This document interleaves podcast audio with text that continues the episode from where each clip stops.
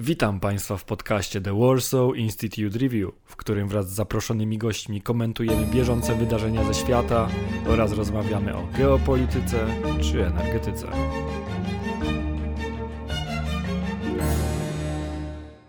Dwudziestego 28 stycznia 2020 roku prezydent USA Donald Trump wraz z premierem Izraela Benjaminem Netanyahu przedstawili plan pokój dla dobrobytu, wizja polepszenia narodu palestyńskiego i izraelskiego. Ze względu na nieuwzględnienie w negocjacjach strony palestyńskiej, plan został odrzucony przez prezydenta autonomii palestyńskiej Mahmuda Abbasa oraz Ligę Arabską. Wdrożenie planu oznaczałoby przekształcenie Palestyny w podmiot o ograniczonej suwerenności i możliwościach funkcjonowania jako organizm państwowy. Waszyngton zaznacza, że plan jest jedynie propozycją podlegającą negocjacjom między zainteresowanymi stronami. Jednakże nierówność jego postanowień sprawia, że Palestyńczycy nie mogą się na ten plan zgodzić. Również inne państwa, m.in. zachodnie, oprotestowują ten plan. 1 lipca miało dojść do aneksji 30% obszaru zachodniego brzegu.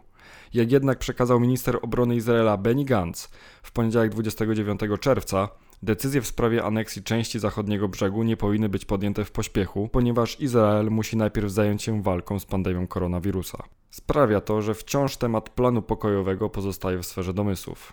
Zapraszam Państwa do wysłuchania debaty online Plan pokojowy Trumpa na Bliskim Wschodzie zorganizowanej przez The Warsaw Institute Review, w której wzięli udział znakomici goście. Politolog, dziennikarz i publicysta Jarosław Kociszewski, będący wieloletnim korespondentem polskich mediów na Bliskim Wschodzie, obserwował proces pokojowy wraz z towarzyszącymi mu niepokojami społecznymi, konflikty w Libanie, dwa powstania palestyńskie, arabską wiosnę oraz wojnę domową w Syrii. Drugim gościem jest Witold Repetowicz, dziennikarz, reporter i analityk specjalizujący się w tematyce bliskowschodniej. Nagradzany autor reportaży telewizyjnych o sytuacji humanitarnej na Bliskim Wschodzie i uchodźcach syryjskich.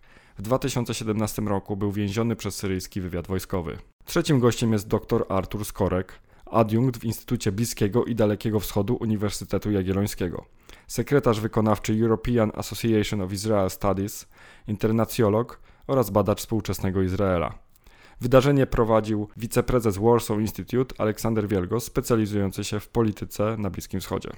Wydarzenie rozpoczynamy od wypowiedzi doktora Artura Skorka dotyczącej obecnej sytuacji w Izraelu i podejściu czołowych polityków do kwestii planu pokojowego.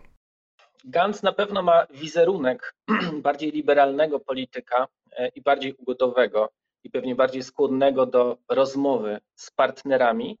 Natomiast wydaje się, że zasadniczych różnic, jeśli chodzi o aneksję pomiędzy tymi dwoma głównymi politykami, czyli Benjaminem Netanyahu i Gantzem, nie ma. No i pamiętamy te ostatnie półtorej roku i e, pewnie każdy, kto chociaż trochę zajmuje się Bliskim Wschodem, e, wie o zawirowaniach politycznych, wie o tych trzech przyspieszonych wyborach izraelskich, które dopiero właśnie w trzeciej turze wyłoniły rząd. Wcześniej nie było większości parlamentarnej która by się wyłoniła w wyborach.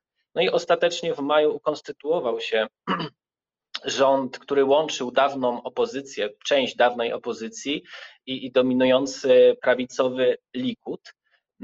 No właśnie, ale jeszcze nawet zanim ten rząd się konstytuował, to dwóch Benjaminów i, i przywódca rządu i ówczesnej opozycji, czyli Netanyahu i Gantz, udali się do Waszyngtonu E, w momencie, kiedy Donald Trump przedstawiał swój plan pokojowy i obu e, panów e, jak najbardziej zaakceptowało tą propozycję, którą Trump nazywa propozycją pokojową. Zresztą trudno by było, żeby nie zaakceptowali, bo jak słusznie powiedział mój przedmówca, ta propozycja w zasadzie w 95% realizuje to, do czego dążył Izrael w ostatnich latach. Ale to by także podkreślało to, że zarówno ten przywódca byłej opozycji, jak i Netanyahu niewiele różnią się, jeśli chodzi o tą kwestię aneksji. Więc to są, to są raczej kwestie detali. I e, co do zasady, już w negocjacjach koalicyjnych, kiedy formowano ten rząd, Netanyahu i Gantz zgodzili się na to, że w lipcu ta aneksja zostanie przeprowadzona, co w ich e, perspektywie jest początkiem realizacji planu Trumpa. Oczywiście, że to jest realizacja tylko części z tego e, planu Trumpa. Mm, no i teraz pytanie, czy oni rzeczywiście to zrealizują i z pewnością Gantz nieco bardziej łagodnie do tej sprawy podchodzi. Nawet są głosy mówiące o tym, że służby bezpieczeństwa Izraela mogą dać pewien pretekst Benjaminowi Gantzowi do tego, żeby on e, mocniej zaczął blokować tą szybką aneksję. E, te bardzo szybkie kroki zostały prawdopodobnie zablokowane przez samych Amerykanów, natomiast ta lipcowa wydaje się być realna. Natomiast już są przecieki do mediów z Shin Betu, izraelskiego, że aneksja e, terytoriów na zachodnim brzegu Jordanu no, może wiązać się z zagrożeniem dla bezpieczeństwa izraelskiego ze względu na tą emocjonalną e, reakcję ze strony narodu palestyńskiego. Jeszcze chyba niewiele mówi się o ewentualnym trzecim powstaniu narodowym Palestyńczyków, natomiast no, są obawy, że dojdzie do manifestacji, dojdzie do ataków ze strony palestyńskiej, i jeśli coraz więcej tego typu sygnałów będzie pojawiać się ze strony armii, Shin Betu czy innych instytucji bezpieczeństwa, no to może to dawać e, oręż e, politykom izraelskim, no, którzy nie prą aż tak szybko do mm, aneksji. Mm, jeszcze kontynuując może ten wątek, który e, był poruszany w tej poprzedniej wypowiedzi, i tego, co ewentualnie Palestyńczycy mogliby otrzymać e, w porozumieniu pokojowym Trumpa, ja bym zgodził się z większością tego, co pan Jarosław powiedział, przy czym dalej no, są te małe elementy, z których Palestyńczycy mogliby się ucieszyć. No, choćby uznanie państwowości na arenie międzynarodowej przez państwa zachodnie także e, byłoby na pewno czymś, co ucieszyłoby Al-Quds czy Ramallah, stronę palestyńską. No i te 50 miliardów przewidywane, jeśli by zostało zrealizowane, e, także. Natomiast no, jeśli chodzi o te szczegóły, jeśli wczytamy się te szczegóły, no to i to państwo palestyńskie, i ta stolica w Jerozolimie to jest tak nie do końca państwo i nie do końca Jerozolima. E, więc z pewnością te kwestie granic y, są tutaj kluczowe i to, że tak naprawdę to państwo składałoby się z kilkunastu części łączonych tymi mostami czy tunelami, jak to Donald Trump przewidywał. Nie wiem, czy kwestie techniczne były jakoś konsultowane z osobami, które się na tym znają, natomiast to są te zapisy politycznego planu.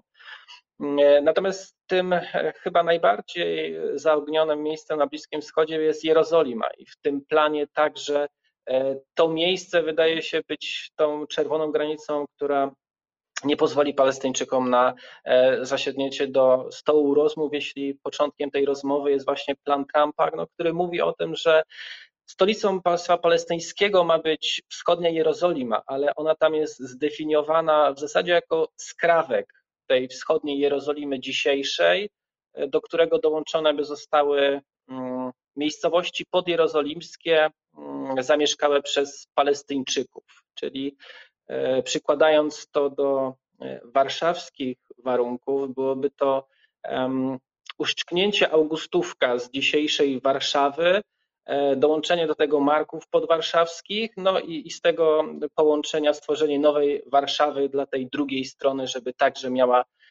jakiś polityczny zysk. No oczywiście, że na to Palestyńczycy y, nie mogą się zgodzić. Nie dlatego, że granice Jerozolimy są święte i niezmienne, bo one na przestrzeni dekad zmieniały się oczywiście i mogą się jeszcze zmieniać, ale tym kluczowym miejscem i dla jednej, i dla drugiej strony jest Stare Miasto Jerozolimy, a, a nie podjerozolimskie Abu Dis czy jakieś inne części Jerozolimy, a w planie pokojowym Donalda Trumpa całość Starego Miasta E, będzie należeć do Izraela, będzie pod suwerenną jurysdykcją państwa izraelskiego i co prawda jest tam przewidziana pewna autonomia religijna dla muzułmańskiego łakfu, natomiast to będzie autonomia na suwerennych terenach e, Izraela. E, no i to, co ważne w kontekście tego państwa palestyńskiego, to kwestia ograniczonej suwerenności. E, czyli nie będzie to w pełni suwerenne państwo. Poprzez e, kilka elementów, które w tym planie e, Donalda Trumpa są zapisane, jak choćby kwestia demilitaryzacji, mm, jak kwestia przestrzeni powietrznej, która ma być kontrolowana nad tym państwem palestyńskim przez Izraelczyków.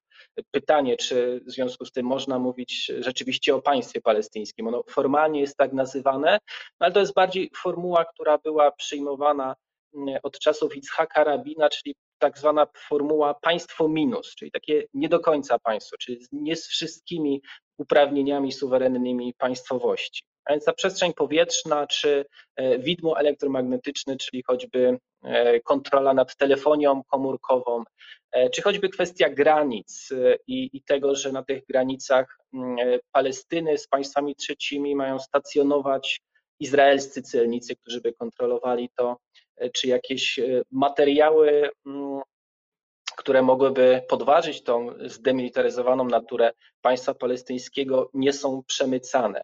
Jest cały szereg innych zapisów, takich jak punkty kontrolne na terenie państwa palestyńskiego, które miały być zarządzane przez Izraelczyków, e, czy choćby zapisy mówiące o tym, że państwo palestyńskie nie będzie mieć pełnej swobody zawierania sojuszy militarnych albo umów dotyczących współpracy wywiadowczej, no to wszystko świadczy o tym, że to jest raczej państwo minus albo autonomia plus, a nie pełnoprawne państwo, choć formalnie miałoby taki status. Jeszcze jedna rzecz a propos tego państwa palestyńskiego, też nie do końca wiadomo, kiedy ono miałoby powstać, bo plan przewiduje ten okres przejściowy, po którym dopiero Izraelczycy i Amerykanie mieliby ocenić, czy Palestyna jest już gotowa do państwowości. E, czy rzeczywiście jest stabilnym państwem, które nie będzie stanowić zagrożenia dla strony izraelskiej, i dopiero po tej akceptacji doszłoby do uznania przez zachodnie stolice państwa palestyńskiego. E, więc z pewnością na, na takie rozwiązanie Palestyńczycy nie mogą się zgodzić, no a jako, że te rozwiązania idą prawie w 100% po linii interesów izraelskich, no to i Gantz, i Netanyahu e, przyklasnęli temu e, planowi. Pytanie, czy ze względu na negatywny oddźwięk w prawie wszystkich stolicach oprócz Waszyngtonu, czy Izrael nie będzie starał się stonować swoich decyzji i ewentualnie doprowadzić na przykład do ograniczonej aneksji, a więc nie całej Doliny Jordanu, ale na przykład tych największych bloków osadniczych e, przy granicy z zachodnim brzegiem Jordanu. Ale to jest pewnie coś, na co będziemy musieli poczekać jeszcze e, te, te dwa tygodnie przynajmniej. Bardzo dziękuję panie doktorze. Właśnie wspaniale, że pan zakończył e, tym wątkiem. E, chciałbym to rozwinąć i e, przekazać pytanie panu Witoldowi. Właśnie z tego, co słyszałem, jak ta aneksja, w jaki sposób ta aneksja może wyglądać, więc są trzy możliwości. A może być to, że celować te strefy Ariel, Male Adumim i większy blok Etzion. Pani Jarosławie, zapomniałam słowo blok e, po hebrajsku. Mam nadzieję, że pan, pan przypomnie. A druga opcja jest właśnie ta najbardziej kontrowersyjna, o którym pan doktor wspominał, właśnie, która Jordania bardzo nie lubi, a i zaczynając z Doliną Jordan gdzie też, jeśli dobrze rozumiem, to walka o wodę jest bardzo istotna, a trzecia, może najmniej kontrowersyjna, w zależności od punktu widzenia, to są takie 15 mniejszych enklaw. Więc pytanie do pana Witolda, mam nadzieję, że pan nas słyszy. Jak pan widzi, które są najbardziej prawdopodobne? Czy tutaj jest miejsce na negocjacje i kompromis? I jak pan widzi te, te dynamiki w regionie? E, dzień dobry. Mam nadzieję, że słychać mnie? Słychać, słychać. Tak. E, więc odpowiadając na Pana pytanie, e, no, e, według e, takiego planu maksimum, to aneksja ma objąć wszystkie te trzy e, elementy, o których Pan wspomniał. I wydaje mi się, że do tego właśnie dąży Benjamin Netanyahu. Natomiast jeżeli chodzi o Benjamina Ganca i biało-niebieskich, to optują za tą wersją minimum, czyli, czyli ty, tych dwóch bloków, o których Pan wspomniał, E, ja tutaj nie jestem biegły w hebrajskim, więc nie, nie podejmuję się e, powtórzenia tych nazw. E, natomiast z punktu widzenia Palestyny i Jordanii, wydaje mi się, że to nie ma większego znaczenia, jeżeli chodzi o ich sprzeciw wo wobec aneksji, ponieważ sprzeciwiają się w ogóle aneksji jako takiej. I Szczerze mówiąc, trudno mi się dziwić, ponieważ no jest to zasadniczo, zasadniczo za uznanie przez nich jakiejkolwiek aneksji no miałoby konsekwencje no, zgody na negocjacje na temat kolejnych kroków aneksyjnych. Bo jeżeli te dwa bloki, to dlaczego nie resztę?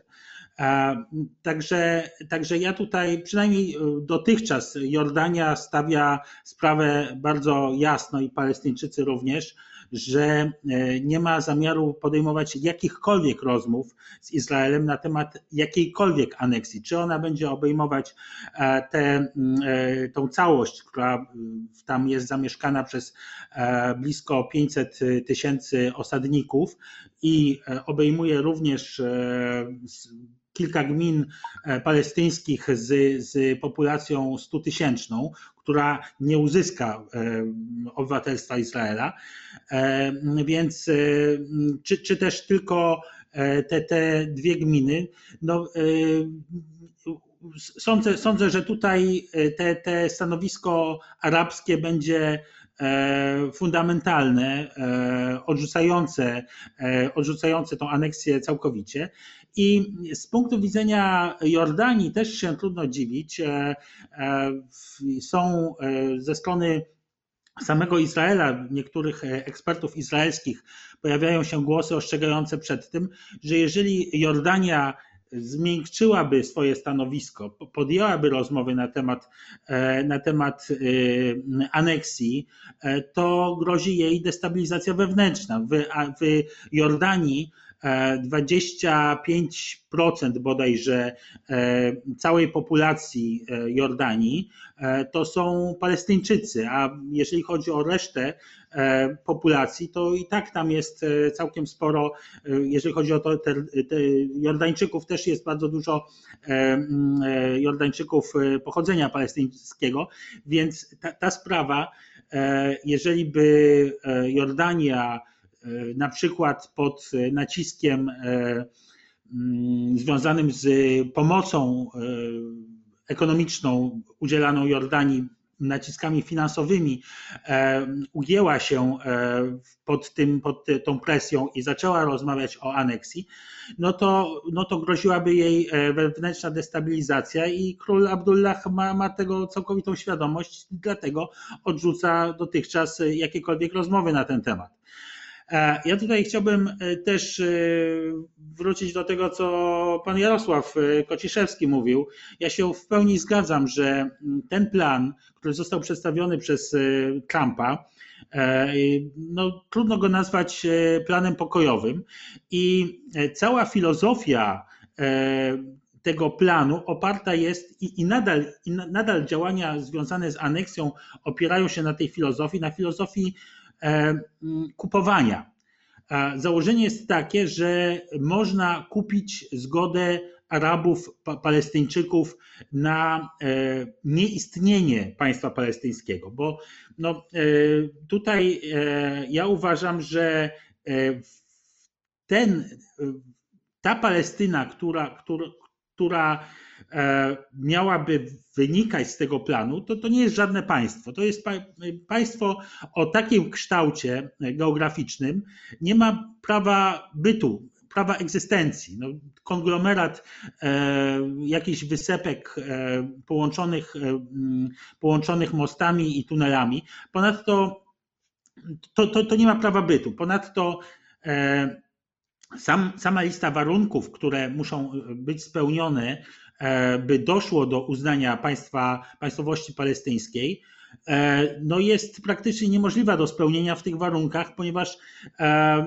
ponieważ realizacja aneksji na pewno wywoła reakcję negatywną. Myślę, że i to są też e, ostrzeżenia, e, mm, e, ostrzeżenia na przykład ze strony generała, byłego generała izraelskiego Amosa Gilada, który, który uważa, że mówił w wywiadzie dla portalu Al Monitor, że, mm, że ta sytuacja Izraela, która jest obecnie, bezprecedensowego spokoju, e, pokoju e, niskiego zagrożenia terrorystycznego, w wyniku e, aneksji po prostu się skończy. I w takich warunkach myślenie o tym, że władze autonomii palestyńskiej rozbroją Hamas, no jest jakąś totalną abstrakcją. Natomiast rzeczywiście widać obecnie różnego rodzaju też e, działania, które mają nadal zachęcić Palestyńczyków do, do zgody. E, Palestyńczyków, e, również Jordańczyków. Teraz słyszałem o, o tym, że Izrael wydał ileś tam kilkaset pozwoleń na pracę dla, dla Jordańczyków. E, I to wszystko, mam wrażenie, ma zachęcić e, e, Palestyńczyków do, i Jordańczyków do zgody na to. Na pewno bardzo mocno zainteresowane rozwiązaniem pokojowym, jakimkolwiek, są Emiraty, Zjednoczone Emiraty Arabskie i Arabia Saudyjska. I Cały ten plan e, Donalda Trumpa e, czy Jareda Kushnera miał stanowić taką platformę, która pozwoli e, Arabii Saudyjskiej i Zjednoczonym Emiratom, Zjednoczonym Emiratom Arabskim doprowadzenie do normalizacji stosunków z Izraelem.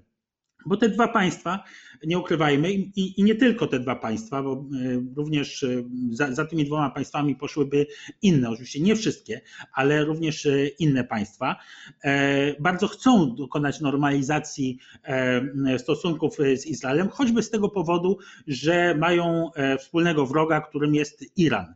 Tylko, że E, I tutaj te, te, państwa też podejmowały ostatnio różnego rodzaju kroki e, w tym kierunku. Na przykład Zjednoczone Emiraty Arabskie wysłały samoloty z pomocą humanitarną do, e, dla, dla Palestyńczyków do Izraela. Ostatni samolot lądował po raz pierwszy z odkrytymi emblematami Zjednoczonych Emiratów Arabskich, tylko że te, ta pomoc została odrzucona przez Palestyńczyków. Nie została przyjęta właśnie ze względu na to, że Palestyńczycy Chińczycy stwierdzili, że ma ona służyć normalizacji, e, uzasadnieniu normalizacji stosunków emiracko-izraelskich, a z drugiej strony e, ambasador e, Zjednoczonych Emiratów Arabskich w Waszyngtonie w też bezprecedensowym artykule opublikowanym w jednym z dzienników izraelskich napisał wprost, że aneksja, tą normalizację, że, że Emiraty bardzo chcą normalizować stosunki z Izraelem, ale aneksja uniemożliwi tą tą normalizację e, tych stosunków. Więc te, te założenia, e, że ten plan do tego doprowadzi, że będzie taką e, platformą, która to umożliwi, no, no nie, nie, nie są rzeczywistymi założeniami. Natomiast to nie oznacza, że Izrael nie dokona e, tej aneksji. Czy to w tym e, ograniczonym zakresie? No w, te, w tym ograniczonym zakresie to ta aneksja niczego e, znaczy nic nie, nie popchnie do przodu, jeżeli chodzi o, o relacje palestyńsko izraelskie. Natomiast jakie wywoła negatywne skutki? Czy Palestyńczycy, e, o tym właśnie przed tym e, przestrzegał generał Amos Gilad, że Palestyńczycy, służby bezpieczeństwa palestyńskie zerwą współpracę z, z Izraelem? Czy, czy, ta, czy taka ograniczona aneksja do tego doprowadzi? Obawiam się, że jest to bardzo, bardzo prawdopodobne. Także, y, mm, także natomiast jeżeli dojdzie, zwłaszcza, że jeżeli chodzi o, to, o, tą, y, o tą aneksję e, ograniczoną, no to nie ma mowy o tym, że, e, że to jest koniec i po tym e, następuje mm, uznanie niepodległości państwa palestyńskiego, tylko mowa jest o tym, że, że to jest jakby stopniowa, stopniowanie tej aneksji. Także ponadto e, chciałbym zwrócić uwagę, że e, sprzeciw wobec aneksji wyszedł też z dość nieoczekiwanej strony, a mianowicie części e, samych osadników, którzy argumentują to tym właśnie, że ma to być pierwszy krok do uznania niepodległości Palestyny.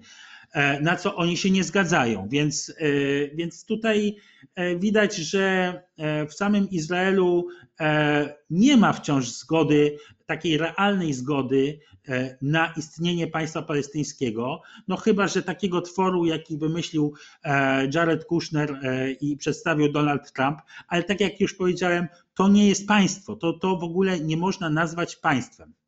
Tak, bardzo dziękujemy Panie Witoldzie za bardzo interesującą odpowiedź na to pytanie.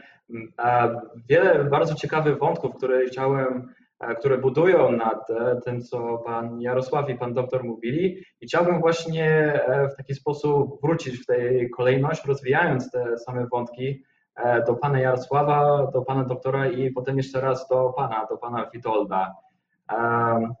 A mianowicie Właśnie to jest ciekawy wątek, że czy to jest jakiś opportunity cost w sumie, uznanie albo normalizacja stosunków z Izraelem za iż jako powiedzmy e, kartę do grania, żeby e, zwolnić albo żeby potencjalnie nawet zrezygnować z aneksją, czy ta współpraca z Palestyńczykami w zakresie bezpieczeństwa jest bardzo, e, bardzo niezbędna. Więc e, jak rozmawialiśmy jeszcze przed debatą z panem Jarosławem, to e, jestem bardziej optymistyczny, a pan Jarosław czasem może bardziej pesymistyczny, więc e, odnośnie samego procesu pokojowego, bo już tam myślimy o jakichś tam potencjalnych rozwiązań, więc ja czytałem opinię na Foreign Policy, że plan Trumpa to jest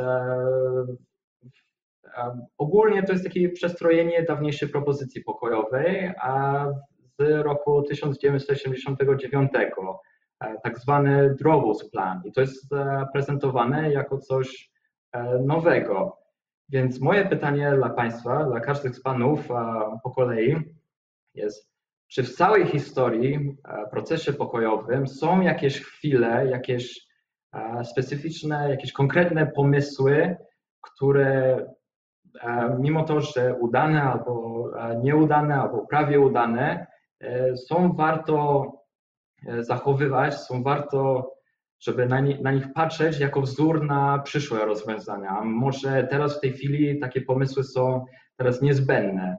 Oczywiście nie będą takie same, ale czy są jakieś chwile w całej historii izraelsko-palestyny, pomysły, czy plan e, ONZ-u w 1947 roku, czy plan Omerta, czy Oslo, Oslo 2. Czy są jakieś tam chwile, które warto spróbować, albo jakieś specyficzne? Panie Jarosławie. Ja z bardzo bliska obserwowałem ten pierwszy proces e, pokojowy izraelsko-palestyński. E, byłem E, na miejscu, kiedy tworzyła się autonomia palestyńska. E, I e, pamiętam ten ogromny entuzjazm tak naprawdę po obu stronach. To znaczy Yasser Arafat wjeżdżający do strefy gazy, niesiony na rękach, z jednej strony był bohaterem palestyńskim, był bohaterem tylko w gazie na zachodnim brzegu Jordanu. Tak? Znaczy on był równie entuzjastycznie witany wszędzie, gdzie się pojawiał. E, Izraelczycy mieli również ogromną nadzieję na to, że ten konflikt wreszcie się zakończy. Było bardzo wiele e, inicjatyw. Było też takie przeświadczenie, że pomysł dwóch państw dla dwóch narodów e, rzeczywiście ma rację bytu. Kłopot w tym, że moim zdaniem żadna ze stron nie negocjowała do końca w dobrej wierze. To znaczy ani Izraelczycy, ani Palestyńczycy nie byli gotowi na realny kompromis, tylko chcieli wykorzystać proces pokojowy do tego, by wygrać konflikt. Rezultatem było e, to, że e, również pozostali w terenie ekstremiści. To znaczy, e, Yasser Arafat, wjeżdżając do strefy gazy, mógł pozbyć się Hamasu, mógł go zlikwidować, który realnie w połowie lat 90. cieszył się poparciem 3% Palestyńczyków, ale pozostawił e, sobie takiego e, straszaka, który w rezultacie wybuchł mu w twarz. To znaczy, Hamas się zorganizował, przeprowadził niezwykle brutalną i skuteczną kampanię samobójczych zamachów bombowych w izraelskich miastach, podważając tak naprawdę proces pokojowy. Z drugiej strony, Izraelczycy nigdy nie zaprzestali osadnictwa żydowskiego. Przecież w czasie procesu pokojowego, w czasie procesu, tak zwanego procesu z Oslo, liczba osadników na zachodnim brzegu Jordanu się podwoiła. W związku z tym brak woli do rozwiązania konfliktu wysadził w powietrze proces pokojowy, który i tak był słaby, bo on miał taki zaszyty błąd, jak się później okazało. To znaczy, proces pokojowy, proces madrycki, a później Oslo, tak naprawdę nie rozwiązywał żadnych istotnych problemów w konflikcie izraelsko-palestyńskim. Towarzyszyła mu filozofia, iż dogadując się w sprawach prostych, czyli edukacji, ekonomii, pewnego samorządu na terenach palestyńskich, Izraelczycy i Palestyńczycy zbudują wzajemne zaufanie, które później pozwoli im rozwiązać realne problemy, takie jak ustalenie granic, podział zasobów wody, los uchodźców palestyńskich czy kwestia Jerozolimy. Tak się nie stało. W związku z tym, co powinien tak naprawdę zawierać realny izraelsko-palestyński proces pokojowy, czy pewnie każdy tak naprawdę proces pokojowy między zwaśnionymi stronami na, na świecie. Ewidentnie powinien w sposób sprawiedliwy rozkładać ciężar kompromisu, ale kompromisu, który reguluje wszystkie istotne kwestie sporne. Tego absolutnie nie ma w planie Trumpa. Jest to polityka faktów dokonanych, jest to przyznanie zwycięstwa Izraelowi w bardzo długim historycznym konflikcie. Jest to odrzucenie aspiracji narodowych całego narodu, który oczywiście można się kłócić, on jest, to jest młody naród i tak dalej, i tak dalej, ale on istnieje. To jest grupa ludzi, która ma już własną historię, mówi tym samym językiem i ma jeden określony cel narodowy. W związku z tym, z czego można korzystać? Na pewno sposób, w jaki pierwszy proces pokojowy poniósł porażkę, powinien być przestrogą. To znaczy, nie da się tego robić po kawałku, trzeba rzeczywiście zaproponować rozwiązanie. I tutaj Jared Kushner proponuje rozwiązanie, oczywiście. Tylko musi być to rozwiązanie, które przynajmniej w jakimkolwiek stopniu uwzględnia interesy obu stron, a nie tylko jednej. Nie może być to rozwiązanie oznaczające dyktat silniejszego, tylko dlatego, że silniejszy jest zaprzyjaźniony i bardzo blisko powiązany z jeszcze silniejszym mocarstwem globalnym. W związku z tym, szczerze mówiąc, ja czarno widzę obecną sytuację. To znaczy, nie wiemy, jak się to dalej potoczy. Izraelczycy mogą rozkładać aneksję na kawałki, chociaż nie sądzę, żeby się cofnęli, bo, bo nie mają powodu. To znaczy, mają poparcie Donalda Trumpa i dopóki on jest prezydentem, będą ten plan kontynuować albo go przyspieszą, jeżeli miałby przestać być prezydentem. Kraje arabskie w żaden sposób tego nie zablokują. Oczywiście retoryka będzie bardzo niemiła, będzie wroga wobec Izraela. Może Jordania wycofa ambasadora, bo przecież ponad połowa Jordańczyków to są Palestyńczycy.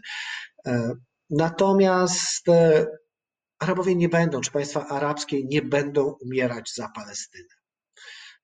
Państwa arabskie, a zwłaszcza te w Zatoce, rzeczywiście zainteresowane są porozumieniem z Izraelem, zwłaszcza, że mają wspólnego wroga w Iranie. Palestyna w tym momencie jest dla nich bardziej problemem wewnętrznym, czyli mobilizuje własnych ekstremistów przeciwko rządom, czy to nad Zatoką, czy w Jordanii, czy gdziekolwiek indziej, czy w Egipcie. W związku z tym rządy te wyrażą niezadowolenie albo bardzo głębokie niezadowolenie.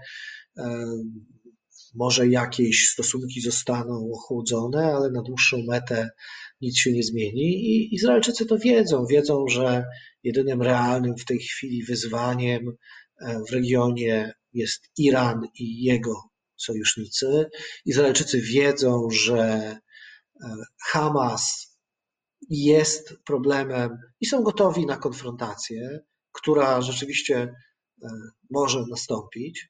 W związku z tym nie spodziewałbym się jakichś nieprawdopodobnie spektakularnych wydarzeń i nawet jeżeli bunt palestyński nastąpi, jeżeli przemoc wzrośnie na zachodnim brzegu Jordanu, to to już wszystko było. Znowu może zaognić się granica między Gazą a Izraelem. Wtedy znowu Izraelczycy mogą przeprowadzić operację wojskową w strefie gazy. To też już było. W związku z tym ja obawiam się, że jest to plan, który spowoduje, że jeżeli nasze dzieci spotkają się w takiej rozmowie w przyszłości, to również będą mówić o konflikcie izraelsko-palestyńskim. Bardzo dziękuję Panie Jarosławie. To bardzo ciekawe zakończenie opowiedzi. Więc chciałbym przekazać pytanie też Panu doktorowi. Czy Pan się zgadza faktycznie, że za następne kilka lat, że obecny plan działań i wprowadzenie w życie plan działań doprowadzić, że konflikt dalej będzie się toczył, czy i też wątek, który Pan Jarosław rozwinął, kwestia, czy rozwiązanie powinno być przedłużone na małe, inkrementalne etapy, czy raczej rozwiązane z planem naraz. Jak Pan to widzi? Też przewiduję, że będziemy widzieć more of the same, czyli w zasadzie utrzymanie tej sytuacji. Jeśli chodzi o sam plan Trumpa, to on w zasadzie jest martwy, no bo Palestyńczycy od razu go odrzucili i no nie można go zrealizować tylko z jedną stroną. On byłby do realizacji, jeśli dwie strony by zasiadły do stołu negocjacyjnego, a wiadomo, że Palestyńczycy tego nie zrobią ze względu na to, że ten początek negocjacji jest dla nich niemożliwy do zaakceptowania. Więc to, co pozostaje, no to jest kwestia aneksji. Tutaj hmm, powiedziałbym, że może troszeczkę odmiennie od niektórych innych komentatorów powiem, że sama aneksja niewiele zmienia w praktyce. Ona ma gigantyczne znaczenie symboliczne, zarówno dla Palestyńczyków, jak i dla Izraelczyków, i wydaje się, że no, ze względu na to, że to po prostu sprzyja sondażom polityków izraelskich, może zostać przeprowadzone. No bo z punktu widzenia strategicznego Izrael niewiele na tym zyskuje, a sporo może stracić. Nie jakieś, nie można powiedzieć, że te straty byłyby na tyle gigantyczne, że mogą powstrzymać Izrael, ale wydaje mi się, że więcej strat dyplomatycznych Izrael z tego przedsięwzięcia będzie mieć niż zysków realnych. No bo jeśli chodzi o praktykę, no to zarówno takie życie osadnika w Ariel, czy Gusze Sion, czy w Male Dumim się nie zmieni, ani tych samych Palestyńczyków. No bo mamy Male Dumim i nazywamy to osadą, a jest to kilkudziesięciotysięczne miasto, gdzie Izraelczycy żyją sobie dokładnie tak samo jak w jakiejś innej dzielnicy już właściwego Izraela podobnie w szeregu innych miejscowości żydowskich na zachodnim brzegu Jordanu. Zresztą też pojawiły się pytania ze strony armii izraelskiej, kiedy dostała wytyczne, żeby przygotowywać się do tej aneksji, co, co to w ogóle miałoby znaczyć? Jak zmieni się sytuacja na, na terytoriach okupowanych? No i tak samo Palestyńczycy obecnie są pod kontrolą izraelską i, i dalej będą pod kontrolą izraelską. Oprócz tych, którzy żyją w strefie A, czyli w tych większych miejscowościach arabskich, no, które dalej będą żyć w miejscowościach arabskich, gdzie będą mieć swoją autonomię. Więc w tym sensie niewiele się zmieni w praktyce. No, formalnie będą to już tereny Izraela zgodnie z prawem izraelskim, co nie zostanie uznane prawdopodobnie przez prawie żadne państwo oprócz USA i jakichś malutkich sojuszników Stanów Zjednoczonych. I jak to było dotychczas, stracić na tym mogą głównie Palestyńczycy. nawet jeśli uciekliby się do tych drastycznych rozwiązań, e, nawet jeśli zerwaliby współpracę mm, bezpieczeństwa z Izraelem, to oczywiście, że straci na tym Izrael, ale więcej na tym stracą Palestyńczycy, bo Izrael, e, wiedząc o tym na przykład, że autonomia palestyńska pozwala działać ugrupowaniom terrorystycznym na terenie zachodniego brzegu Jordanu, to będzie musiała interweniować także w strefie A e, w dużo większym wymiarze niż robi to dotychczas. Mm, Tak samo, nawet jeśli doszłoby do powstania palestyńskiego, no to znowuż historia nas uczy, że traci na tym Izrael, ale w dużo większym stopniu tracą na tym Palestyńczycy, więc e, także ja nie widzę na razie e, możliwości rozwiązania e, tego sporu, ze względu na to, że Izrael czuje swoją przewagę nad Palestyńczykami. E, No a Palestyńczycy chcą po prostu mieć w pełni suwerenne państwo palestyńskie. A w ostatnich miesiącach e, okazuje się, że w coraz mniejszym stopniu akcept, akceptują e, państwo izraelskie. I tak jak kiedyś to rozwiązanie e, dwupaństwowe przez większość Palestyńczyków było akceptowane, tak teraz widzimy zmianę w tych sondażach i po różnych ruchach Donalda Trumpa oraz rządu izraelskiego poparcie dla rozwiązania dwupaństwowego wśród Palestyńczyków też zmniejsza się. Bardzo dziękuję, panie doktorze. To ciekawe myśli. E, Panie Witoldzie, czy pan się zgadza z panem doktorem i z panem Jarosławem? Czy też czy pan ma inne punkty widzenia, czy zwraca szczególną uwagę na inne kwestie? Częściowo się zgadzam, y, częściowo, może to dziwnie zabrzmi, uważam, że u moich przedmówców y, pobrzmiewa zbytni optymizm. Mimo, że pan y, Jarosław na przykład deklarował się jako pesymista, to, to ja mm, za, zauważyłem pewne elementy optymistyczne u obu moich mm, przedmówców, z którymi się nie do końca zgadzam. Znaczy, zgadzam się przede wszystkim z tym, że Izrael będzie e, szedł do przodu z aneksją wychodząc z założenia, że w tej chwili jest najlepszy do tego moment, no, w, w, nie wiadomo, co się stanie w Stanach Zjednoczonych w listopadzie. Jeżeli e, Biden wygra, to e, demokraci, większość demokratów generalnie jest przeciwna, nawet, nawet IPAC nie naciska na kandydatów demokratycznych do Senatu, by popierali kwestię aneksji w, w, w swojej kampanii wyborczej, więc, więc tutaj rząd Izraela ma świadomość tego, że jeżeli wygra Biden, no to będzie de facto po, po ptokach. I, i dlatego będzie dążył do tego, żeby to zrobić w najbliższym czasie.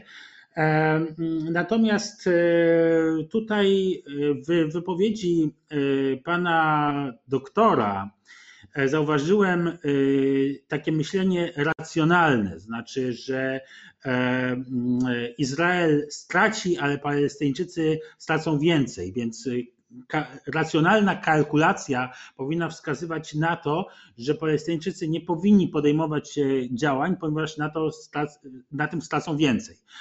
I ja nawet byłbym w stanie zgodzić się z taką diagnozą, że tak, że tak będzie, taki efekt, ale nie zgodzę się z tym, że w takich sytuacjach myśli się racjonalnie. Nie, nie, kalkulacja.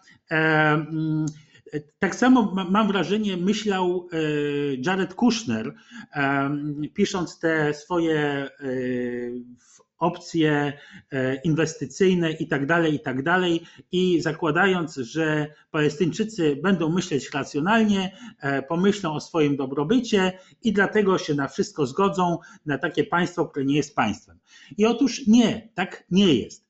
Więc ja się niestety obawiam, że tu nie będzie racjonalnego myślenia, tylko będzie myślenie emocjonalne i rzeczywiście dojdzie do zerwania tej współpracy służb bezpieczeństwa. Myślę, że dojdzie do wzrostu działalności terrorystycznej. I tutaj znowu pan Jarosław mówił o tym, że to wszystko już było. No owszem, tylko że, że z, z tego, co było jakoś w tej chwili nie jest tak, jak było, tak? Jest lepiej. Natomiast no oczywiście można z stadium, gdzie jest lepiej, przejść do stadium, gdzie jest gorzej, czy nawet fatalnie, bo fatalnie już było. Także Także e, ja obawiam się, że te skutki e, będą jednak katastrofalne, e, owszem, dla obu stron, ale niestety będą. Natomiast jeżeli chodzi o państwa arabskie, Oczywiście ja nie mam złudzeń, że Arabia Saudyjska czy Zjednoczone Emiraty Arabskie chciałyby o sprawie jak najszybciej zapomnieć, znormalizować stosunki z Izraelem i myśleć o wspólnym wrogu, jakim jest Iran. I to widać wyraźnie, że szukają te państwa jedynie pretekstu, żeby o, o, wszystkim zapomnieć. No tutaj, jeżeli chodzi o Jordanię, to ja się nie zgodzę, bo jednak właśnie te, ten E, ten, ten element palestyński mieszkający na, temat, na, terenie Jordanii e, no, nie pozwoli Jordanii zapomnieć i znormalizować, przejść nad tą aneksją do, do porządku dziennego. E, a jeżeli Amerykanie ograniczą pomoc, czy państwa inne ograniczą pomoc i współpracę z Jordanią, to jeszcze to wszystko pogorszy sytuację. Natomiast y, problem polega na tym, że y, państwa sobie, a y, ulica arabska sobie. I ulica arabska, opinia publiczna arabska będzie e, pod ogromnym wpływem e, propagandy Iranu i Kataru.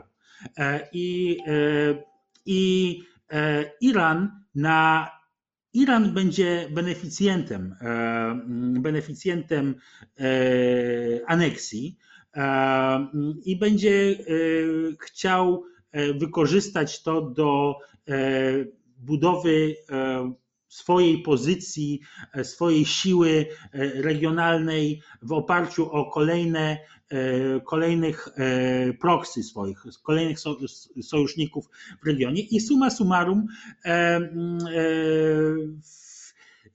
równowaga sił zmieni się na, na, na, na korzyść Iranu, co nie będzie korzystne dla Izraela. Ja przy tym jestem przekonany, że istnienie Izraela jako, jako państwa jest całkowicie niezagrożone i jakiekolwiek mówienie o tym, że że Iran, y, że jakiekolwiek państwo może dokonać y, ataku w celu zniszczenia Izraela jest, y, jest moim zdaniem absurdem, ponieważ Izrael nie ma w tej chwili jednego gwaranta swojego, swojej egzystencji, czyli Stanów Zjednoczonych, ale dwóch, co najmniej dwóch gwarantów, bo drugim gwarantem jest Rosja. I Rosja otwarcie zapowiadała, że nigdy nie pozwoli na to, żeby e, Izrael przestał istnieć. No, w Izraelu 20, e, bodajże 20% żydowskiej populacji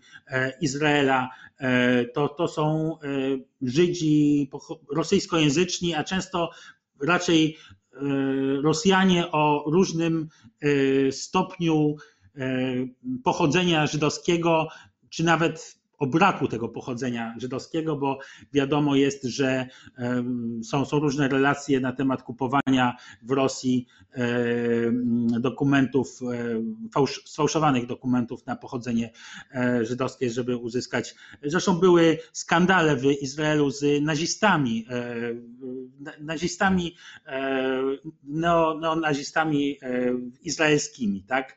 Coś totalnie absurdalnego. Także e, ja tutaj e, uważam, że, że ta e, sytuacja będzie miała poważne konsekwencje i również nie zgodzę się z tym, że, że to tak naprawdę nie jest wielka rzecz, jeżeli chodzi o uznanie suwerenności na tych terenach, tych, tych osiedlach. mm, bo i tak one są kontrolowane przez Izrael.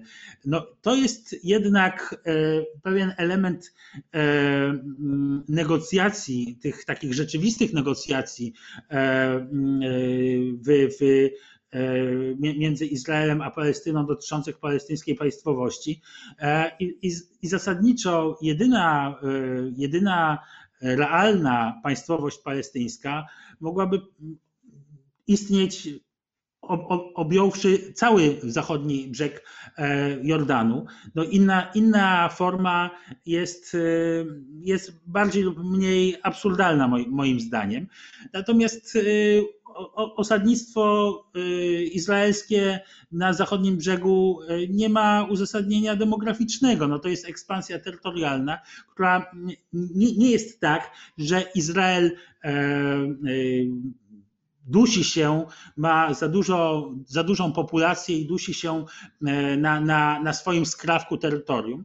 E, ponieważ e, tak naprawdę, jeżeli chodzi o, o e, proporcje między ludnością arabską a żydowską na terenie kontrolowanym szeroko w szerokim tego słowa rozumieniu przez e, Izrael, no to w tej chwili e, e, ludność żydowska stanowi, nawet włączając tych Rosjan, stanowi jakieś 50% i, i, i, i ta ten, ma tendencję malejącą.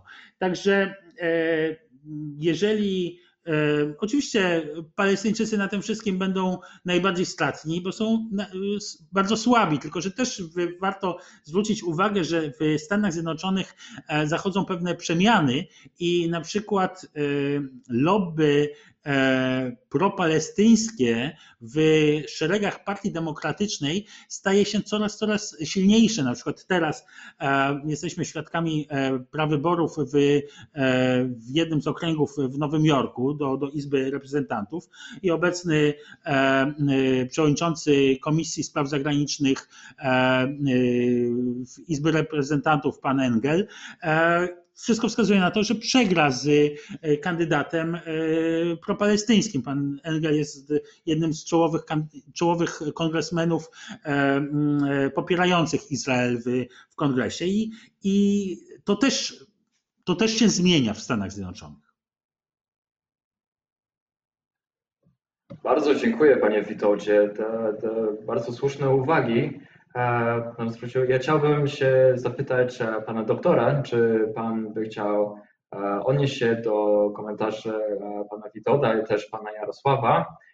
Z tym tutaj też uwzględniając pytania od naszych gości, naszych widzów, też jak pan widzi rozwiązanie sytuacji strefy gazy, bo naj, z tego co rozumiemy od, od Twittera, od publicznych informacji, że te konfrontacje i zapalenie na granicy e, Gazy i Izraela zrobił się bardziej intensywne przez ostatnie kilka dni. Czy to jest e, patent, e, który, który jest faktycznie martwiący, czy to jak pan to widzi? Zaognienie y, powinno nas martwić, ale, ale chyba nie powiem nic odkrywczego, gdy powiem, że ta granica Izraela i Gazy regularnie wybucha. E, I te, ten obecny, mm, obecna odsłona tego zaognienia nie jest jeszcze aż tak intensywna, jak już wielokrotnie miało to miejsce. I e, oczywiście, że powinniśmy w każdej takiej sytuacji starać się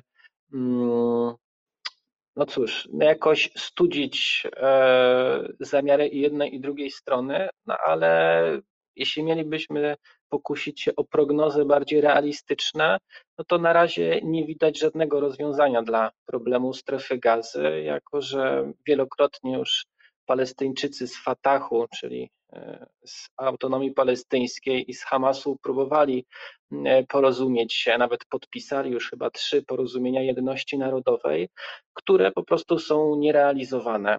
I czego główną przyczyną jest to, że Fatah, Fatah by chciał, aby Hamas rozbroił się, a Hamas rozbroić się nie chce i w związku z tym do zaognień pomiędzy Hamasem i Izraelem będzie dochodzić i z pewnością, jeśli e, Izrael mm, zdecyduje się na formalny ruch i aneksję jakichkolwiek terenów palestyńskich, to możemy spodziewać się tego, że znowu rakiety zostaną wystrzelone, przy czym y, jeszcze raz podkreśliłbym, że sytuacja strategiczna się nie zmieni. E, bo to, że Hamas zbroi się i od czasu do czasu doprowadza to do, do takiej mini wojny, jeśli traktowalibyśmy Gazę jako osobne państwo, no to jest coś, co dzieje się co kilka lat, zresztą dosyć brutalnie jest nazywane przez strategów izraelskich koszeniem trawy, czyli w momencie, kiedy ten arsenał rakietowy Hamasu jest zbyt wielki, no trzeba go zniszczyć, no i nie da się go zniszczyć inaczej jak w konflikcie. E, Więc e, cóż, no znowuż mogę tylko powiedzieć to, że mm, stracą na tym obie strony, a Palestyńczycy w największym stopniu i odnosząc się jeszcze e, do wypowiedzi mojej pod, mojego przedmówcy, ja zgodzę się z tą tezą, że rzeczywiście emocje odgrywają tutaj większą rolę często e, niż racjonalność. I z, pewnością to, że Palestyńczycy będą na tym tracić więcej, e, nie jest jedynym argumentem, który w dyskusji jest brany pod uwagę. I e, to nie jest tak, że ja przewiduję, że w związku z tym, że racjonalnym byłoby na przykład zaakceptowanie tego, co mogą uzyskać Palestyńczycy obecnie, czyli na przykład e, przejęcia kontroli nad e, dodatkową jedną trzecią zachodniego brzegu Jordanu, bo to jest to, co realnie proponuje plan Trumpa, e, że ta strefa mm, B, czy duża część strefy B stanie się częścią e, tego państwa palestyńskiego minus, czyli czegoś, co bardziej by przypominało te struktury dzisiejszej autonomii palestyńskiej. E, Więc gdyby przyjęli ten plan Trumpa, no to mieliby większą kontrolę nad większą ilością terenów, no ale oczywiście wiązałoby się to z aneksją tej jednej trzeciej zachodniego brzegu, no i zdaję sobie sprawę z tego, że nawet jeśli byłoby to racjonalne, to jest to niemożliwe do zaakceptowania przez Palestyńczyków. Bardzo dziękuję, panie doktorze.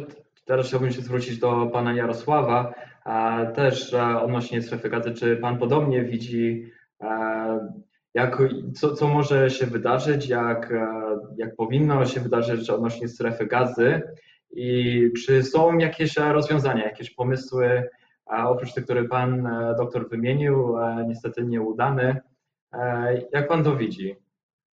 Aneksja może pokrzyżować i zapewne pokrzyżuje e, trwające od bardzo, bardzo dawna, od ładnych paru lat rozmowy nieformalne między Hamasem i Izraelem na temat e, tak zwanej chudny, e, wyciszenia. Hamas za pośrednictwem Egiptu. To jest ogromny projekt przede wszystkim wywiadu egipskiego, razem zresztą z Katarem. Hamas godził się w dużej mierze na długofalowe, wieloletnie wyciszenie konfliktu na granicy między strefą gazy a Izraelem. W ramach tego wyciszenia nastąpiłaby wymiana jeńców. Hamas e, oddałby szczątki dwóch żołnierzy i dwóch żywych Izraelczyków, obywateli Izraela e, przetrzymywanych. Izrael prawdopodobnie zwolnił wielu e, palestyńskich więźniów. I w ten sposób e, Hamas zagwarantowałby sobie e, ciągłość władzy, e, poprawę poprzez poprawę warunków życia mieszkańców strefy gazy. Izrael zagwarantowałby sobie długotrwały spokój. I tutaj pojawiłaby się nadzieja, że po 25 latach normalizacji, na przykład, nikomu już nie będzie chciało się tak naprawdę walczyć. W związku z tym to jest bardzo poważna e, strata potencjalna e, wynikająca właśnie z aneksji. E, To, że te rozmowy zapewne legną w gruzach, może dojść do konfrontacji, do kolejnego rzeczywiście strzyżenia trawnika z punktu widzenia Izraela albo wojny z punktu widzenia, z perspektywy Hamasu, choć z drugiej strony Hamas jako organizacja racjonalna, nie bardzo ma powód w tej chwili e, rozpoczynać operację zbrojną, nie ma nic tutaj do wygrania. E, Co innego Hamas na zachodnim brzegu Jordanu. I to też jest dosyć istotny element, który warto poruszyć. To znaczy, w tej chwili autonomia palestyńska bardzo skutecznie ogranicza możliwości wzmacniania się Hamasu, a zwłaszcza struktur militarnych, terrorystycznych tej organizacji na zachodnim brzegu Jordanu. Zerwanie współpracy, bezpieczeństwa, e, ale także e, poderwanie, podminowanie czy zerwanie e, autorytetu autonomii palestyńskiej spowodować może wzrost wpływów Hamasu na tym terenie. Bo tak jak Hamas przejął władzę w strefie gazy w 2007 roku na drodze przewrotu, brutalnego, kilkudniowego przewrotu wojskowego, e, mało prawdopodobne, żeby coś takiego wydarzyło się na zachodnim brzegu Jordanu, gdzie klany związane czy rody związane z Fatahem są znacznie silniejsze, Hamas jest słabszy itd. itd. Niemniej jednak wzrost pozycji Hamasu, wzrost pozycji islamistów może rozgrzać teren, jak mówią w tej chwili wojskowi izraelscy. Także przynajmniej krótkoterminowo na zachodnim brzegu Jordanu nic dobrego nie wyniknie dla Palestyńczyków czy od strony palestyńskiej w związku z tym planem, natomiast zerwanie rozmów o chudnie może być długoterminową szkodą tak naprawdę dla, dla obu stron w strefie gazy. Bardzo dziękuję Panie Jarosławie. Teraz chciałbym się zwrócić również i do Pana Witolda, i do Pana doktora. Pytanie z Facebooku właśnie dostaliśmy niedawno. Czy Państwa zdaniem Stany Zjednoczone są odpowiednią stroną do prowadzenia arbitrażu w tym konflikcie? I w tym chciałbym też rozwinąć wątki. Unia Europejska, oczywiście jako część kwartatu, ostatnio zmieniła retorykę i też stosunek między Chinami i Izraelem czasami niepokoją Stanów Zjednoczonych. Czy czy są inni aktorzy, oprócz tych, którzy już wspomnieliśmy, które mogą mieć pozytywny, konstruktywny lub może nawet negatywny wpływ na jakikolwiek potencjalny proces pokojowy, czy odnośnie właśnie strefy gazy, jak teraz mówiliśmy, czy ogólnie między autorytetem Palestyny i Izraelem. A może zaczniemy z panem doktorem. Zależy z której perspektywy patrzeć. Jeśli szukalibyśmy najbardziej obiektywnego mediatora, no to z pewnością nie są to Stany Zjednoczone, a w jeszcze mniejszym stopniu są to Stany Zjednoczone e, za prezydentury Donalda Trumpa, ale też to nie jest tak, że ten mediator został wybrany dlatego, że kiedykolwiek był państwem obiektywnym, e, tylko dlatego, że był państwem potężnym i, i państwem potężnym jest dalej i prawdopodobnie, jeśli mielibyśmy wymienić jedno państwo, które ma największy wpływ na sytuację w regionie, spoza tego regionu, no to będą to Stany Zjednoczone. No i w tym sensie e, Stany Zjednoczone są tym właściwym państwem do mediowania. E, natomiast to, w jaki sposób e, te mediacje są prowadzone obecnie, no wskazują na to, że jakikolwiek inny mediator byłby lepszy, no bo wiadomo, że to, ta propozycja, która została wystosowana przez Donalda Trumpa, nie ma szans na realizację i nie ma dobrego mediatora tak naprawdę i nie ma mediatora, co do którego obie strony zgodziłyby się, że jest tym właściwym mediatorem. E, Izraelowi na pewno będzie zależało na tym, żeby dalej pierwsze skrzypce odgrywały Stany Zjednoczone z oczywistych względów. No i jako, że Izrael czuje się tym silniejszym e, graczem, silniejszym rywalem w konflikcie bliskowschodnim, no to będzie zatem e, obstawał dosyć mocno. Przy czym należy też zauważyć, że sytuacja międzynarodowa, dyplomatyczna Izraela też w ostatnich dwóch dekadach szczególnie polepszyła się i relacje Izraela zarówno z Chinami, z Indiami są o wiele cieplejsze niż były kiedyś. No, pamiętamy, że jeszcze w czasach zimnowojennych te państwa ostro krytykowały Izrael. Dzisiaj coraz mocniej współpracują z Izraelem. Nawet Unia Europejska, która być może w tej sferze deklaratywnej wypowiedzi dyplomatów krytykuje Izrael za jego politykę wobec Palestyńczyków, równocześnie prowadzi politykę zacieśniania relacji gospodarczych i nie tylko z państwem e, izraelskim. Więc tutaj wydaje się, że mm, znowuż no, Izrael, Palestyńczycy znowuż są na przegranej pozycji z tego względu, że nie mają żadnego tak istotnego partnera na arenie międzynarodowej. Mój przedmówca wspominał też Rosję, która rzeczywiście e, ma coraz bliższe relacje z Izraelem, co byłoby kolejnym elementem mm, tej układanki. Bardzo dziękuję. I panie Witoldzie? No właśnie, ja tutaj e, nie do końca się zgodzę z przedmówcą. Znaczy zacznę może od tego, że, mm, że zgadzam się z tym, że rola Stanów Zjednoczonych jako mediatora wynika z, z potęgi, a nie z jakby wzajemnego zaufania obu stron, równomiernego zaufania obu stron e, do, do Stanów Zjednoczonych.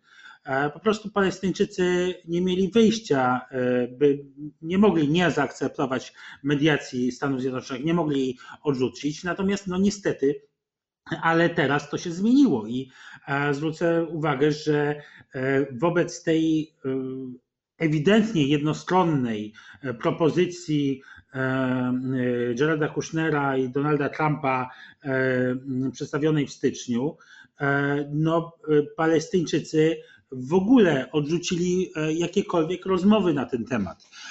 Także to podważyło w dużym stopniu tą mediacyjną rolę Stanów Zjednoczonych. Natomiast z tym, z czym się nie zgodzę, i, i mówię to, podkreślam, niestety się nie zgodzę, to jest to, że nie ma podmiotu, który mógłby zastąpić Stany Zjednoczone. I mam oczywiście na myśli Rosję. Oczywiście Rosja wkroczy dopiero wówczas, gdy będzie chaos, gdy obie strony zaczną ze sobą walczyć i wtedy, i wtedy Rosja wykorzysta to w swojej propagandzie, oskarżając Stany Zjednoczone o to, że to one za to odpowiadają, a ona tutaj wkroczy z, z mediacją. Palestyńczycy będą pod ścianą i praktycznie nie będą mieli do kogo się zwrócić. Więc jeżeli Rosja wyciągnie do nich rękę z propozycją mediacji, to, to zapewne tą mediację przyjmą. Zresztą relacje palestyńsko-rosyjskie czy radzieckie są od dawna, od, od bardzo dawna, dawna znane. Natomiast druga strona, no warto pamiętać, że relacje między Izraelem a, a Rosją są bardzo silne i, i nikogo tak często Benjamin Netanyahu nie odwiedzał, jak właśnie Władimira Putina na, na Kremlu. I też jest on, Putin, najczęstszym rozmówcą telefonicznym Benjamina Netanyahu. Także myślę, że Rosja będzie, Rosja praktycznie w przeciwieństwie do Stanów Zjednoczonych, i znowuż mówię to niestety, ma praktycznie prawie ze wszystkimi w regionie co najmniej poprawne relacje i utrzymuje taką równowagę, że rozmawia z tymi i z tamtymi, żeruje na konfliktach, zwłaszcza uśpionych i, i wyciągając dla siebie korzyści z wszystkich stron tych konfliktów. I tutaj myślę, że może się ta sytuacja powtórzyć. Natomiast jeszcze chciałem odnieść się do kwestii tych polepszających się relacji Izraela z innymi państwami. Ja tutaj uważam, że to jest ryzykowna teza, znaczy nie chciałbym jej obalać, nie mówię, że ona jest fałszywa, ale mówię, że jest ryzykowna, bo jednocześnie i myślę, że po aneksji, po, po tej sytuacji z aneksją to może się zwiększyć, widać narastające, narastające nastroje propalestyńskie w szeregach lewicy europejskiej, czy, czy, czy lewicy w Stanach Zjednoczonych też, tak jak to mówiłem, tej, tej, tej postępowej, jak to się mówi, frakcji w, w Partii Demokratycznej. I ten, te nastroje, te, te propalestyńskie nastroje, anty, czy nawet wręcz, nawet nie tyle tylko propalestyńskie, co antyizraelskie, przechodzące często w lewicowy antysemityzm, są coraz silniejsze. Bardzo dziękuję panie Witoldzie. Niestety czas nas pomału goni. Mam okazję na jeszcze dwa pytania. Chciałbym zacząć może z takim, że rozważamy różne mediatorzy i z, z jakich motywacji, jakich przyczyn są one zaakceptowane czy niezaakceptowane.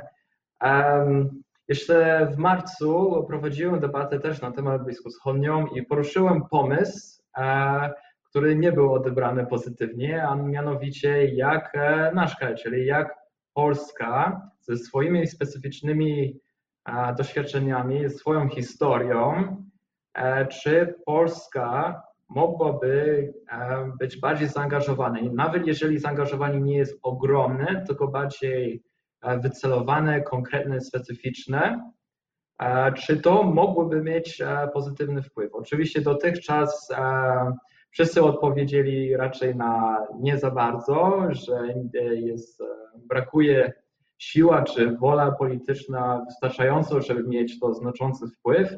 I chciałbym się zapytać, czy może jeden z e, panów byłby bardziej optymistyczny pod tym względem. Oczywiście razem nie sama Polska jako sama, tylko razem ze wsparciem może jeden z tych innych e, e, aktorów, które wspomnieliśmy. To znaczy, Polska samodzielnie oczywiście niczego nie zrobi, bo nie jest międzynarodową potęgą sama w sobie. Natomiast Polska należy do wielkich organizacji międzynarodowych E, z którymi e, również Izrael się liczy. E, Unia Europejska, NATO, OECD i tak dalej, i tak.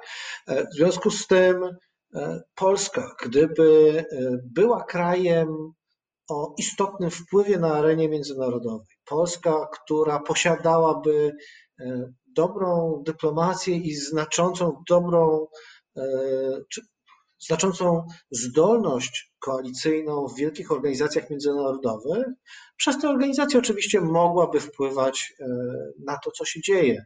E, kłopotem jest to, że Unia Europejska została w dużej mierze zredukowana tam do roli bankomatu, e, organizacji, która płaci za utrzymanie bardzo nieefektywnych mechanizmów autonomii palestyńskiej. Natomiast nie ma realnego wpływu e, na bieg wydarzeń. E, I teraz e, pewnie, że przydałby się również głos polski, głos krytyczny albo konstruktywny, poszukiwanie konstruktywne nowej roli Unii Europejskiej na Bliskim Wschodzie. Izrael musi liczyć się z głosem Unii Europejskiej, która jest e, największym e, partnerem handlowym, e, jest wielkim partnerem naukowo-badawczym poprzez chociażby program Horyzont, bardzo ważny dla Izraela, na tyle ważny, że zerwanie tego programu było rozważane w ramach analiz skutków aneksji. Także sumując, Polska sama, samodzielnie wielkiego wpływu na nic mieć nie będzie, e, natomiast Polska działająca przez organizacje, do których należy, e, mogłaby mieć e, konstruktywny wpływ i pozytywny wpływ na to, co się dzieje. No ale tutaj najpierw musiałaby uporządkować własną dyplomację i własne relacje z tymi organizacjami. Fantastycznie, bardzo dziękuję. Jeszcze wpłynęło dodatkowe pytanie, które jest na szczęście spójne z tym ostatnim, co zapytałem, więc nie chciałbym e, z niego zrezygnować, ale też e, e, mając na myśli Polskę, pytanie jest, na ile prawdopodobne jest, by w obliczu obecnych wydarzeń Palestyńczycy uformulowali rząd jednościowy i wspólny front negocjacyjny Hamasu i Fatahem. Rozumiem, że panowie już odnosili się do tego pytania do dużego stopnia dla naszych widzów, czy właśnie jeżeli Polska w tym kontekście specyficznym nie miałaby za dużo, to jaki aktor mógłby e, w tym pomóc? Czy może Polska może, może Polska w jednym, e, w jednym obszarze, a w tamtym drugim może jeden z innych? E, panie doktorze? Mówimy tutaj teraz o udziale Polski w mediowaniu pomiędzy różnymi stronami palestyńskimi. I też izraelskimi. I druga kwestia, kto mógłby pomóc, albo czy w obliczeniu państwa może być jakieś tam zjednoczenie między Hamasem i Fatah, jeśli chodzi jako front negocjacyjny. A więc dwa różne pytania, lecz do jakiegoś mniejszego stopnia powiązane. Tak, no jeśli chodzi o, o te sprawy międzypalestyńskie, to pewnie y, większy oręż jest w rękach państwa egipskiego, który ma jakieś przełożenie na politykę Hamasu, więc nie wiem, czy rzeczywiście Polska w jakikolwiek sposób by się tutaj wpasowała. Jeśli chodzi o mediowanie pomiędzy Izraelem a Palestyńczykami, y, no to ja dalej twierdziłbym, że chyba jedynymi rozsądnymi mediatorami są mediatorzy, którzy mogliby mieć wpływ na politykę Izraela, którzy mogliby mieć realne możliwości nacisku na Izrael, i to pozostaje nadal państwo amerykańskie i na drugim miejscu Unia Europejska. No i w tym sensie podpisałbym się pod tą wcześniejszą kwestią, że w ramach Unii Europejskiej jakiś wpływ na postawę mm, izraelską mamy. Bardzo dziękuję panie doktorze i na zakończenie panie Witoldzie, to samo pytanie i też oczywiście ostateczne dodatkowe komentarze. Panie Witoldzie. Tak, ja dość krótko y, to skomentuję. Jeżeli chodzi o rolę Polski, e, to zupełnie tego nie widzę, ponieważ Izrael zupełnie nie liczy się e, z Polską i też to było widać. W zasadzie, jeżeli chodzi o, o to, jak e, Izrael mógłby postrzegać rolę Polski w, w tym procesie, no to to jest na zasadzie organizowania takich wątpliwych imprez jak, jak konferencja bliskowschodnia w ubiegłym roku, nieszczęsna. A, a to nie jest e, żadna rola. Także e, ponadto, ponadto e, obawiam się, że Niektórzy, niektórzy w Polsce jeszcze widzą Izrael przez pryzmat y, tych początków Izraela, gdzie rzeczywiście byli e, polscy Żydzi, tworzyli e, elity, ale to się wszystko już dawno zakończyło, a, a y, te, te e, rosyjscy, te, te środowiska rosyjskie w, Izraelu no raczej nie są przychylne Polsce i to też ma na to wpływ. Natomiast jeżeli chodzi o drugą kwestię, no tutaj, e, jeżeli chodzi o to, co pan doktor powiedział o e, Egipcie, to ja chciałbym zauważyć, że Egipt ma w tej chwili bardzo ciężką sytuację, bo ma bardzo dwa poważne problemy. Jeden z tym, co się dzieje w Libii, a drugi z budową tamy w, w Etiopii. I w obydwu przypadkach mówi się o wojnie, więc jeżeli Egipt będzie zajęty regulowaniem sytuacji w Libii i regulowaniem sytuacji z Etiopią, a jednocześnie ma jeszcze prowadzić działania antyterrorystyczne na Półwyspie Synaj, to obawiam się, że może mu nie, nie, nie wystarczyć czasu na to, żeby jeszcze zająć się dialogiem wewnątrz palestyńskim, a chętny z całą pewnością, no cóż, no w tej chwili znowu, jeżeli chodzi o głównego e, sponsora e, Hamasu, e, to jest Iran, więc, więc obawiam się, że tu bardziej Iran będzie wkraczał. Bardzo dziękuję panie Witoldzie. Chciałbym również oczywiście podziękować e, wszystkim prelegentom, panie Jarosławie, panie doktorze, panie Witoldzie. Mam nadzieję, że pomimo zimnych realiów e, geopolitycznych, może troszeczkę nadziei, że coś z tego może wyjść e, kreatywnie pozytywnego. Chciałbym podziękować wszystkim naszym gościom, naszym widzom. A na koniec chciałbym Państwa zaprosić do słuchania naszych innych podcastów. Jesteśmy obecni na Spotify, Google Podcast, Apple Podcast, Stitcher oraz na innych platformach streamingowych.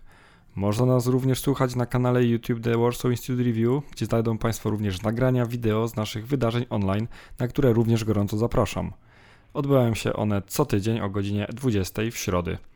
Więcej informacji znajdą Państwo na naszej stronie internetowej www.warsawinstitute.review ukośnik.pl oraz na naszym Twitterze oraz Facebooku.